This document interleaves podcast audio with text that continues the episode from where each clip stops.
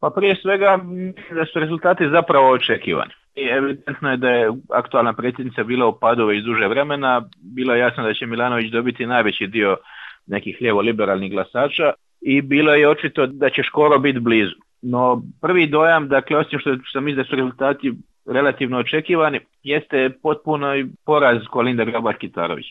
Dakle, vi kad provedete pet godina u mandatu, i nakon toga kao neko ko vodi državu uđete u izbore, dobijete niti 27% glasova, to je teški poraz. Bez obzira što nije baš e, do kraja debakl jer su uspjela plasirati drugi krug e, forca Mišića HDZ-a, ali zapravo zapravo to je teški debakl. Gledajte, ovi izbori su se ponajprije što se tog biračkog tijela tiče vodili oko prevlasti buduće u HDZ-u. E, a zna se da je vlast u HDZ-u jednako moćna na državnoj razini. Dakle, vi kad zbrojite glasove, i to je ono što je veliki problem, kad zbrojite glasove desnice i ekstremne desnice koja je podjednako i u HDZ-u i, i, ovaj, i koja je podržala škoru, imate preko 50% glasova.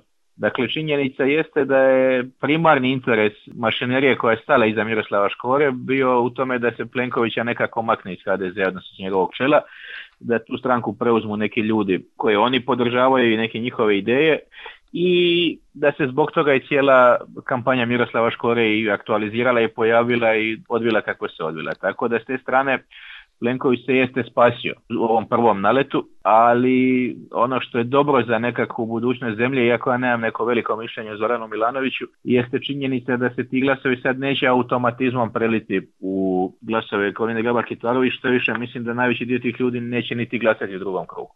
A kako biste nam objasnili suštinsku razliku između predsjednice Hrvatske aktuelne i Miroslava Škora? pa razlike zapravo nema. Miroslav Škora je naravno, što nije teško, mislim da je gotovo svaki od kandidata potkovaniji za ovu funkciju od Korine Grabar Kitarović i mislim da niko ne može toliko količinu gluposti i besmislica po jedinici vremena izgovoriti kao ona, ali nije to poanta. Poanta je da oboje zapravo zastupaju apsolutno istu politiku radikalnog nacionalizma, isključivosti prema Srbima ponajprije, isključivosti prema antifašizmu, relativizacije ustaškog pokreta, dakle potpuno e- ekonomsku nezainteresiranost suštinsku. Dakle, oboje su tipični proizvod tuđmanovskog HDZ-a. Pod jedno i drugo. Dakle, Škore na kraju je bio u parlamentu u ime HDZ-a i bio je njihov veleposlanik. Dakle, to je, što se njih dvoje konkretno tiče i sadržaja, tu sad razlike u sadržaju uopće nema. Ono što je jedino bitno razlika je što, što ta ekstremna desnica koja naravno stanuje i tekako u HDZ-u jasno shvaća da ne može sama po sebi na izborima postići nikakav bitni uspjeh. Oni realno imaju kapacitet za, kad bi išli sami bez HDZ-a za nekih preko praga svakako, ali ne bitno preko praga. I da jedini put da njihove ideje dobiju zaista javni legitimitet u punom smislu riječi taj da preuzmu HDZ. I njih tu Plenković koji također tolerira sve to i pod kojim, ja mislim da je čak gore da je on predsjednik jer, se, jer onda to njegovo umiveno lice demobilizira snagu otpora, ovaj, ali svejedno ih nervira što sto posto ne slijedi te njihove ideje i naprosto ga žele maknuti kao neautentičnog predsjednika kako oni sebe doživljavaju i tu stranku HDZ.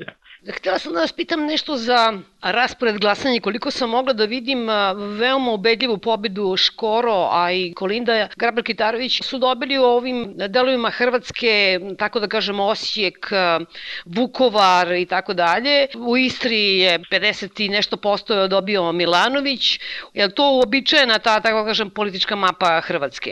Apsolutno, apsolutno. Ovaj, uobičajena mapa Hrvatske, sjeverozapadna Hrvatska, nešto razvijenija i bogatija, plus grad Zagreb i naravno Istra i Riječko područje redovno glasaju za neku lijevo, lijevo liberalnu opciju, naj, najčešće za SDP. I ovi takozvani pasivni krajevi gdje nažalost zadnje vrijeme sve više spada i Slavonija u globalu, jednostavno nemaju više ništa i naučili su na neki način biti životno vezani uz HDZ i nacionalizam je postao dio i života i razmišljanja. Pri čemu jedino što mi je posebno žao jer tamo živim i doma sam i stalo mi je, to vrijedi i za Dalmaciju. Dakle, u Dalmaciji također HDZ premoćno u pravilu pobjeđuje, pa je tako, tako bilo uglavnom i jučer. Tim da je, zahvaljujući tom lomljenju glasova između Škore i Kolinde, Milanović dobio i u Splitu i u Zadru izgubio je u Šibeniku i Dubrovniku i na najvećem dijelu otoka. Tako da je, postoji ta urbana neka jezgra u Dalmaciji koja jeste lijevo i to vam je otprilike neka generalna mapa politička Hrvatske koja je takva već od 1991. do danas. Kako objašnjavate ipak e, katastrofalan rezultat e, Katrine Peović, kandidatkinje Levice? Pa ja mislim da to nije, sad ću ispast ovaj naivan, nije to katastrofalan rezultat, to je vrlo očekivan rezultat. Dakle, i sam sam je podržao i bio sam na izborima za Europski parlament, smo imali jednu sličnu koaliciju, iako je Radnička fronta bila na drugoj listi. Naprosto fond birača koji bi glasali za ljeviju opciju od e, SDP-a recimo, se svede javno na izborima između 2 i 3-4%. Na lokalnim izborima u Zagrebu je ta grupacija gdje je bila i Katarina ova moja Nova Ljevica i Zagreb je naš, dakle, uspjela preći prag sa 7,5%. Na lokalnim izborima u Splitu se to ja sam nosio listu smo dobili 4,5 i tako na lokalnoj razini se to može ako imate nekog jakog kandidata i neku dobru priču u samoj gradskoj sredini. Međutim, na nacionalnoj to je ta brojka, oko 2% još kad se pojavio Stipe Šuvar, to je otprilike čak i brojčano isti oko 20.000 glasova ovaj, koji dolaze za takvu opciju, ali to nije odgovor, nema samo toliko ljudi koji su iskani ljevičari u Hrvatskoj. To je ono što je najtragičnije od svega. Dakle, dobar dio glasača SDP-a razmišlja isto kao Katarina Peović. Dobar dio, međutim, imate tu dva problema. Oni, najveći dio njih po inerciji, zato što je to stara partija i to su ljudi u godinama glasaju za SDP, pa da ne znam što oni naprave, to je njihova partija i oni će za njih glasati. Dakle, to je jedan problem. A drugi problem je što su nešto mlađi i što razmišljaju, također misle, ajmo reći sve najgore, malo pretjerujem, ali misle loše o SDP-u ali kalkulirajući uvijek daju glas takozvano manjem zlu da ga ne bi bacili. I onda uđete jednu, jednu vrstu e, nemogućnosti da iz toga izađete. Dakle, netko, vi, vi ste ljudima simpatični, tapšu vas po ramenu, plješću vam, a na kraju zaokruža nekog drugog na izborima.